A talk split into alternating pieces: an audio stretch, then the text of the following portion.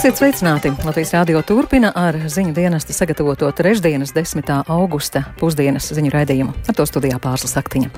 Un vispirms īsi ieskats raidījuma tematos. Izskan versijas par kara lidlaukā Krimā sprādzienu iemesliem un izmantotajiem ieročiem. Перед Крымским мостом на выезд уже из Крыма скопилась огромная. Pirms Krimas tilta uz izbraukšanu no Krimas liels sastrēgums lēni kustas stāvam jau pusstundu. Стоим уже полчаса. Latvijas augstskolās rudens uzņemšanā diezgan augsta interese arī no ukraiņu studentiem.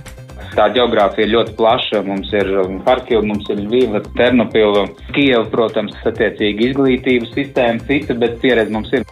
Ilgstoši valsts kavējas ieviest juridiskas palīdzības pakalpojumu cilvēkiem ar psihiskiem traucējumiem. Tika ieguldīts finansējums, lai to visu attīstītu. Tika sagatavots, piemēram, 22 atbalsta personas, kuras mēs pēc tam, pēc diviem gadiem, dabūjām atlaist no darba. Viņas vairs nebija nevienam vajadzīgas.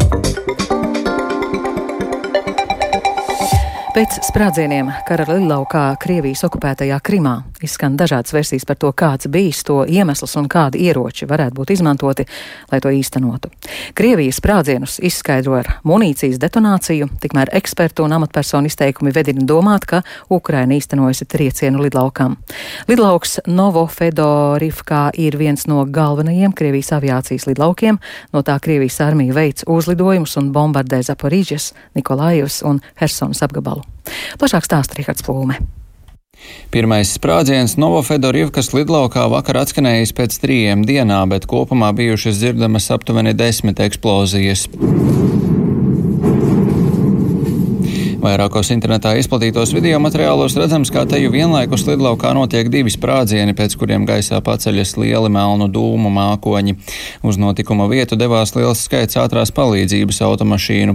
Video liecina arī par Novofederivkas ciemā nodarītiem postījumiem, sadegušām automašīnām, bojātām dzīvojamajām ēkām. Vietējos iedzīvotājos un netālu esošajos turistos notiekošais radīja manāmu satraukumu un pat hausu.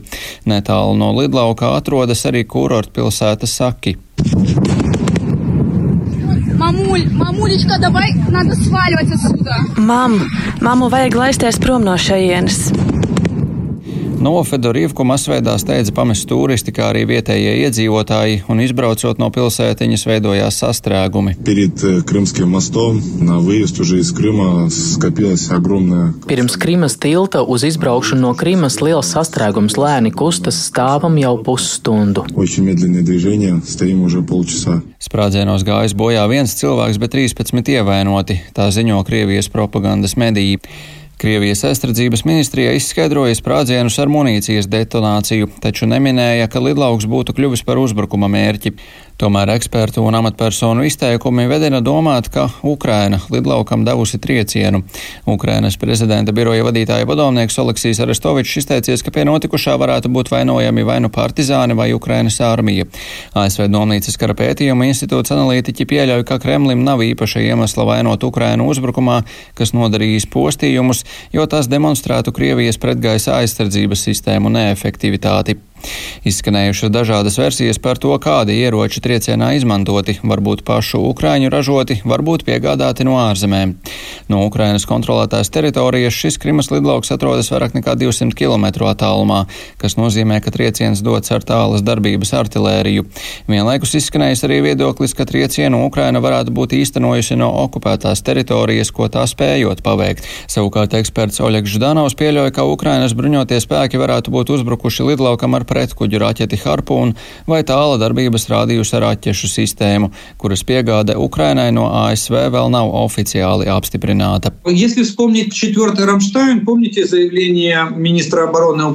Atceroties 4. Ramšteinas sanāksmi, jāatminas Ukrainas aizsardzības ministra Oleksija Reznikova paziņojums par to, ka mēs nepublicēsim visu sarakstu ar to, ko saņemsim. Mēs to darīsim zināmu ar nepatīkamu pārsteigumu kaujas laukā. Pilnībā iespējams, ka šis arī bija šis nepatīkams nepatīkamais pārsteigums Krievijas karaspēkam. Lidlauks Novofedorivkā ir viens no galvenajiem Krievijas aviācijas lidlaukiem, tajā galvenokārt izvietoti iznīcinātāji un bumbvedēji. No šejienes Krievijas armija veic uzlidojumus un bombardē Zaporīžas, Mikolaivas un Hersonas apgabalu, tādēļ šis trieciens uzskatāms par nozīmīgu. Taču vairākie analītiķi uzsver ne tikai šī trieciena militāro nozīmi, bet arī politisko, ņemot vērā, cik Krievijai Krima ir būtiska un tā to uzskata par savu. Bukra. Крим український, і ми ніколи від нього nevidmovno. Kā otrdienas vakarā savā video uzrunā paziņoja Ukrainas prezidents Valdemirs Zelenskis, Krievijas karš pret Ukrainu sākās ar Krimas okupāciju un tam arī jābeidzas ar Krimas atbrīvošanu. Prezidents atzina, ka pašlaik nav runa par konkrētiem termiņiem pussalas atbrīvošanai, bet darbs šajā virzienā turpinās tās augtās Krimas platformas ietveros. Rihards Plūme, Latvijas radio. Latviju šodien apmeklē ASV aizsardzības ministrs Loits Ostins. Vizītes galvenais iemesls ir ASV simboliskā simboliska atbalsta paušana gan Latvijai, gan Baltijai kopumā. Tā Latvijas radio vērtē Latvijas transatlantiskās organizācijas ģenerālsekretāre Sigita Strūberga. Eksperti uzskata, ka ar šo vizīti ASV kārtējo reizi demonstrē, ka ļoti nopietni uztver atbalstu Baltijas valstīm un NATO vienotību. Strūberga arī uzskata, ka šīs konkrētās vizītes mērķa auditorija visticamāk nav sabiedrība, bet gan augstākā līmeņa valdības pārstāvji. Aizsardzības ministra vizīte eh, nav gluži par eh, cilvēku, ja jūs jautājat par Latvijas sabiedrību pārliecināšanu, tas, tas drīzāk ir tāds tiešām valdības augstākā līmeņa eh, pārliecināšanas mēģinājums un, un, un tālāko sarunu vešana. Kas attiecās uz uh, sabiedrības pārliecināšanu, nu te ar aizsardzības ministra vizīti vien būs pa maz. Un, un te ir jādomā plašāk, un, diemžēl, sabiedriskās domas aptaujas rāda, ka ir, uh, lai arī Latvijas iedzīvotāji domā par to, ka uh, NATO ir mūsu drošības garants, tomēr, uh, tomēr iezogas šis jautājums, vai tiešām tad piektais pants tiktu pildīts. Uh, vienlaiks uh, mēs, protams, varam atcerēties Solaiku Baraka Obamas 2014. gada vizīti, ka tiešām uh, tieši šī vizīte nos, nospēlē tādu ļoti nozīmīgu lomu arī attiecībā uz Baltijas valsts sabiedrību viedokļiem. Tomēr es domāju, ka šeit šis vairs nav tas gadījums un būs jāstrādā plašāk arī pašiem mājās, lai iedzīvotāji tiešām ticētu. Turklāt bez NATO 5. panta ir arī citas saistības, kas attiecās tā skaitā uz pašiem mums, kas runā par to, ka mums pašiem ir jāparūpējas par drošību primāri, un tad mums nāks palīgā. Kādēļ ASV ir svarīgi aizstāvēt Baltiju un kādas ir pašas ASV intereses šajā reģionā? ASV ir ieinteresēta drošā Eiropā pirmkārt, eh, otrkārt eh, ASV ir ieinteresēta tajā, lai, lai, lai Krievija neturpinātu savu agresiju plašākās teritorijās, un ASV noteikti šobrīd eh, ir ieinteresēta, lai Ukraina uh, uh, maksimāli ilgi iespējami noturētos un ideālā variantā uzvarētu karu, ko mēs visi uh, gaidam un ceram. Uh, līdz ar to te ir vairāk punkti, kāpēc, bet, nu, faktiski vēl viens nozīmīgs punkts ir tas, ka, mm, ja nedod Dievs, uh, teiksim, zūd šī NATO piektā panta kredibilitāte uh, arī uh, izaicinātāju acīs, ko var zaudēt, ja uh, netiek pildīts piektais pants, tad faktiski zūd arī ASV kā lielvaras kredibilitāte. Es teiktu, ka šis ir tāds nozīmīgākais mm, aspekts ļoti pragmatiski runājot. Tā Latvijas transatlantiskās organizācijas ģenerālsekretāra Sigita Strūberga ar viņu runāja Daira Zīle.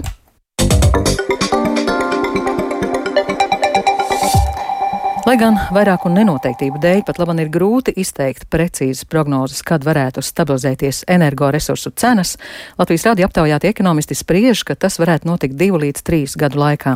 Turklāt jārēķinās, ka līdz tik zemam cenu līmenim, kāds bija piemēram dabasgāzei pirms Krievijas sāktā kara Ukrainā, vairs nenonāksim, un kopumā iedzīvotājiem par energoresursiem būs jāatvēl lielāka ikmēneša ienākuma daļa. Un plašāk par to Linda Zalāns ierakstā. Seibankas ekonomists Dainis Gašpuitis pauž, ka gāzes cena vēl nav sasniegusi rekordu un kritiskais brīdis būs decembris. Tad varētu būt skaidrs, cik efektīvi Eiropas valstīm būs izdevies taupīt un samazināt gāzes patēriņu. Būs iespēja novērtēt Eiropas gāzes krājuma apjomu, kā arī iespējams varēs novērtēt, kāda varētu potenciāli būt Krievijas tālākā rīcība. Tas ļaus izvērtēt gāzes piedāvājuma un pieprasījuma līdzsvaru. Ja viss nostrādās un būs labvēlīgi laikapstākļi, arī nu, nebūs augsta ziema, tas zināmā mērā atvieglojums no pieprasījuma puses, tad ļoti iespējams, ka mēs varam redzēt arī tādu zināmu pozitīvu virzību, ka cenas tomēr virzās uz leju, jo pazūd šis spiediens un stresa moments. Ir pamats sagaidīt, ka cenām būtu jānormalizējas pie zemākiem līmeņiem, bet pie kādiem līmeņiem tas būs šobrīd īsti nevar pateikt. Tas visticamāk varētu būt tuvāko trīs gadu laikā visdrīzāk tikai. Noteikti, ka tas līmenis varētu būt augstāks nekā tas bija pirms šī kara. Un kamēr visas pārmaiņas izdzīvo savu ciklu, notiks pielāgošanās, tiks izveidots atbilstošs piedāvājums, jārēķinās, ka iedzīvotājiem par enerģiju būs jāmaksā daudz lielāku ienākumu daļu nekā tas bija pirms kara Ukrainā. Latvijas bankas ekonomists Erlands Krongorns uzsver, ka galvenais energoresursu cenas ietekmētājs ir Krievijas agresija Ukrainā, un saglabājoties esošai situācijai, ir skaidrs, ka pārskatāmā nākotnē gāzes cena cena saglabāsies ļoti augsta. Tomēr jau šobrīd redzam, ka ekonomika sāk bremzēties, un tas atspoguļojas arī naftas cenās. Mēs redzam, ka tās cenas kāds kādu laiku atpakaļ bija diezgan stipri samazinājušās, jo veidojas bažas par uh, nākotnes pieprasījumu. Un līdzīgas tendences īstermiņā var parādīties arī dabasgāzes cenās, tomēr tās joprojām pārzvā nākotnē būs ļoti, ļoti augsts. Latvijas bankas ekonomists pauž, ka gāzes cenas kritumu ietekmē divi faktori, proti pieprasījums un piedāvājums. Pieprasījumu ir iespējams ietekmēt, efektivizējot gāzes piegādes, taupot un domājot par patēriņu, un to var izdarīt uzreiz. Savukārt par to piedāvājumu pusi, kas ir kapacitāti ražot un infrastruktūru, lai to visu varētu piegādāt eh, tirgumu un lai to izbūvētu un pielāgoties jauniem apstākļiem, tas, protams, prasīs vairāk laika. Un tas ir tas galvenais faktors, kāpēc mēs, diemžēl, tik drīz eh, atgriezties eh, vecajā dzīvē nesanāks. Un kamēr iespējas atgriezties tā dēvētajā vecajā dzīvē ir ierobežotas, iedzīvotājiem jārēķinās, ka augstās energoresursu cenas būtiski ietekmēs ikviena rocību. Bankas citadele ekonomists Mārtiņš Aboliņš teica, ka šogad vidējais algu kāpums Latvijā ir ap 7%, bet augstais inflācijas līmenis, kas pārsniedz jau 20% atzīmi, samazina pirktspēju. Tas savukārt nozīmē, ka gada otrajā pusē ekonomikā sagaidām izaicinājumi. Pārstāvā nākotnē noteikti inflācija mazināsies, un līdz ar to nu, algām atkal vajadzētu augt straujāk. Jautājums, cik ātri mēs atgūsim to pirktspējas zudumu. Tas ir lielā mērā atkarīgs, kas notiek Eiropas ekonomikā, ASV, pasaules ekonomikā. Ja mēs redzam, tie signāli nu, par kaut kādu iespējamu recesijas tuvošanos ir diezgan daudz. Nu, Līdz ar to tā situācija ekonomikā šajā ziemā visticamāk būs pietiekami sarežģīta ne tikai pie mums Eiropā. Protams, ja kaut kādā brīdī bezdarbs sāk augt vai kaut kas tam līdzīgs notiek, tad tas no kāpuma bremzēs. Tie mainīgie šobrīd ir tik daudz, tie scenāriji reāli iespēja ir nu, teiksim, spektrā no lēnas izaugsmes līdz ekonomikas kritienam, kas tieši realizēsies, ir ļoti, ļoti grūti pateikt šobrīd. Āboliņš uzsver, ka labā ziņa ir tā, ka Latvijas ekonomikai kopumā sliktu pazīmi nav situācija attiecībā uz budžetu ir laba un valsts parāda līmenis ir zems.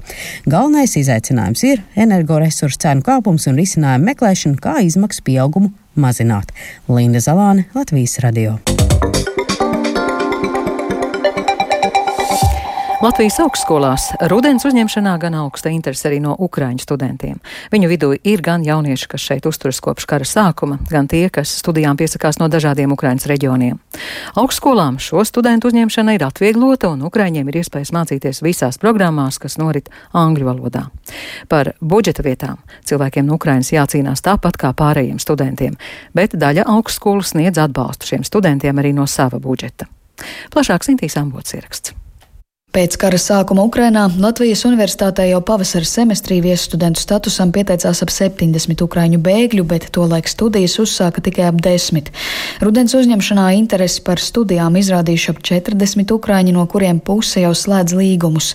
Vairāk par to, kādas studijas ukraiņi šeit izvēlas, stāsta ELU pārstāve Jana Saulīta. Mēs varam piedāvāt vairākas programmas, kuras ir tāda angļu valodā, jo visas pārējās studijas mums ir latviski, un, diemžēl, kā saka, ukraiņu studenti nezina latviešu latviešu valodu, viņiem nav iespēja tajās studēt, bet šīs programmas ir anglistika, kurā iet iekšā ar Eiropas valodu un biznesa studijas un kultūras un sociālā antropoloģija. Tur ir pieejams arī budžeta vietas, un no procesā esošajiem pieteikumiem lielākā daļa izvēlas datorzinātnes vai biznesa vadību, jo arī šajās te programmās ir tātad iespēja studēt angļu valodā. Savukārt Rīgas Stradiņa Universitātes ārvalstu reflektantu nodaļas vadītājs Māris Ginters stāsta, ka kopumā šajā sezonā studijās uzņemti jau pieci ukrāņi un par daļu vēl nav skaidrības.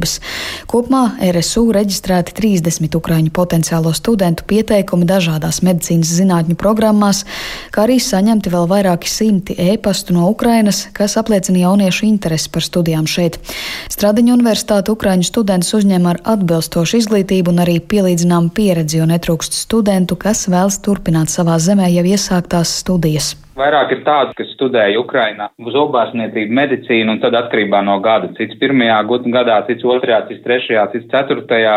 Tā geogrāfija ir ļoti plaša. Mums ir Harkiva, mums ir Vīva, Ternopila, Kieva, protams, attiecīgi izglītības sistēma cita, bet pieredze mums ir. Mums ir Ukraiņu studenti, līdz ar to mums bija salīdzinoši viegli saprast, kas ir tas, uz ko mēs skatāmies, kas ir tas, ko viņi ir atsūtījuši. Un arī sākumā mums bija bažas, ka studentiem varētu nebūt dokumenti vispār, jo nu, Harkivā, teiksim, universitāte nav vairs fiziski viņi nepastāv. Par to bija bažas, bet es teiktu, ka faktiski mums nav neviena tāda reflektanta, kuram nebūtu dokumenti. Vidzemes augstskolas pārstāve Daina Ezertēva iezīmē, ka augstskolā pieteikušies vairāk ukraiņu patvērumu meklētāju bērni, kas kopš kara sākuma vidusskolu pabeiguši Latvijā un var pretendēt arī uz budžeta vietām. Vienlaikus ir arī pieteikumi no jauniešiem, kas vēl uzturas Ukrainā.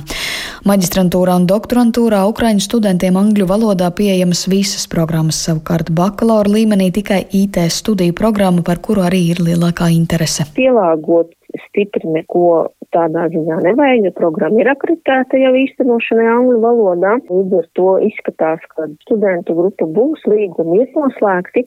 Konkrēti ciparus vēl nevar pateikt, jo vēl joprojām mēs pieņemam pieteikumus. Šobrīd vienīgais, nu tāds cilvēcisks pārdzīvojums, vai tie cilvēki, kas ir uh, izvēlējušies studēt augstskolā un tiešām visi dokumenti nokārtoti, kas nav šeit Latvijā, vai viņi spējas tad nokļūt Latvijā. Nu, tas ir tāds uh, cilvēcisks bažas. Daļai ukraiņu studenti jau pašiem ir nepieciešamie angļu valodas zināšanu certifikāti, kā arī daļai augstskolās jākārto iestāju pārbaudījumi. Tāpat augstskolu likums nosaka, ka jebkuram ārvalstu studentam esot studijās Latvijā vairāk nekā 20 nedēļas procesā procesā jāapgūst arī latviešu valodu. Sinti Ambote, Latvijas radio. Trauksme ceļ resursu centrs Zelda un tiesības sarga birojas. Trauksme ir par valsts kavēšanos ieviest pakalpojumu, kuru ļoti gaida personas ar psihiskiem traucējumiem. Tas ir atbalsta personas pakalpojums lēmumu pieņemšanā. Labklājības ministrija jau ilgstoši sola rīkoties, taču pēc pilota projekta, kurš noslēdzās 2019. gadā, konkrēti darbi nesakoja. Ministrija gan tam nepiekrīt un pakalpojumu sola no nākamā gada vidus. Un turpina Kristaps Feldmanis. Laikā no 2017. līdz 2019. gadam šī pakalpojuma pilotu projektu organizēja resursu centrs Zelda, stāsta tā vadītāja Ieva Leimane Veldmējere. Pakalpojumu visā Latvijā saņēma kopā 332 cilvēki divu gadu garumā. Šie cilvēki pakalpojumu beidza saņemt 2019. gada novembra beigās. Izmēģinājuma projekts beidzās. Priekšlikums un to, kā pakalpojumam būtu jāizskatās, ja to ieviestu Latvijā, Zelda sarakstīja un iesniedz ministrijai. Taču gaidītā rīcība, lai pilotu projektu integrētu kopējā atbalsta sistēmā, nav sekojusi un gūtais progress, apmācītie speciālisti un ieguldītie resursi būtībā zaudēti. Tika ieguldīts finansējums, lai to visu attīstītu, tika sagatavots piemēram 22 atbalsta personas, kuras mēs pēc tam pēc diviem gadiem dabūjām atlaist no darba.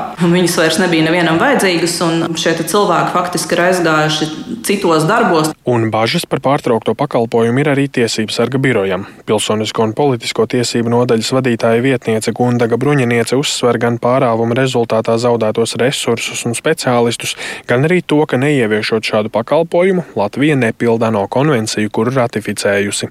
Bruņiniece skaidro, kopš konvencijas ratificēšanas 2010. gadā valstī personu ar invaliditāti situācija ir uzlabota, taču atbalsts lēmumu pieņemšanā gan virzīts kūtri. Latvijai ir jāvirzās prom no tā, ka mēs kaut kādās jomās, tad, ja cilvēks nespēja pats tur pieņemt lēmumus, ka mēs viņam varam ierobežot rīcības spēju, tātad viņam atņemt tiesības pieņemt lēmumus, ka viņam tiek nodrošināts atbalsts lai cilvēks varētu pieņemt šos lēmumus. Atbildīgā ministrija jau ilgstoši sola pakalpojumu ieviest, taču līdz šim ļoti trūkusi reāla rīcība.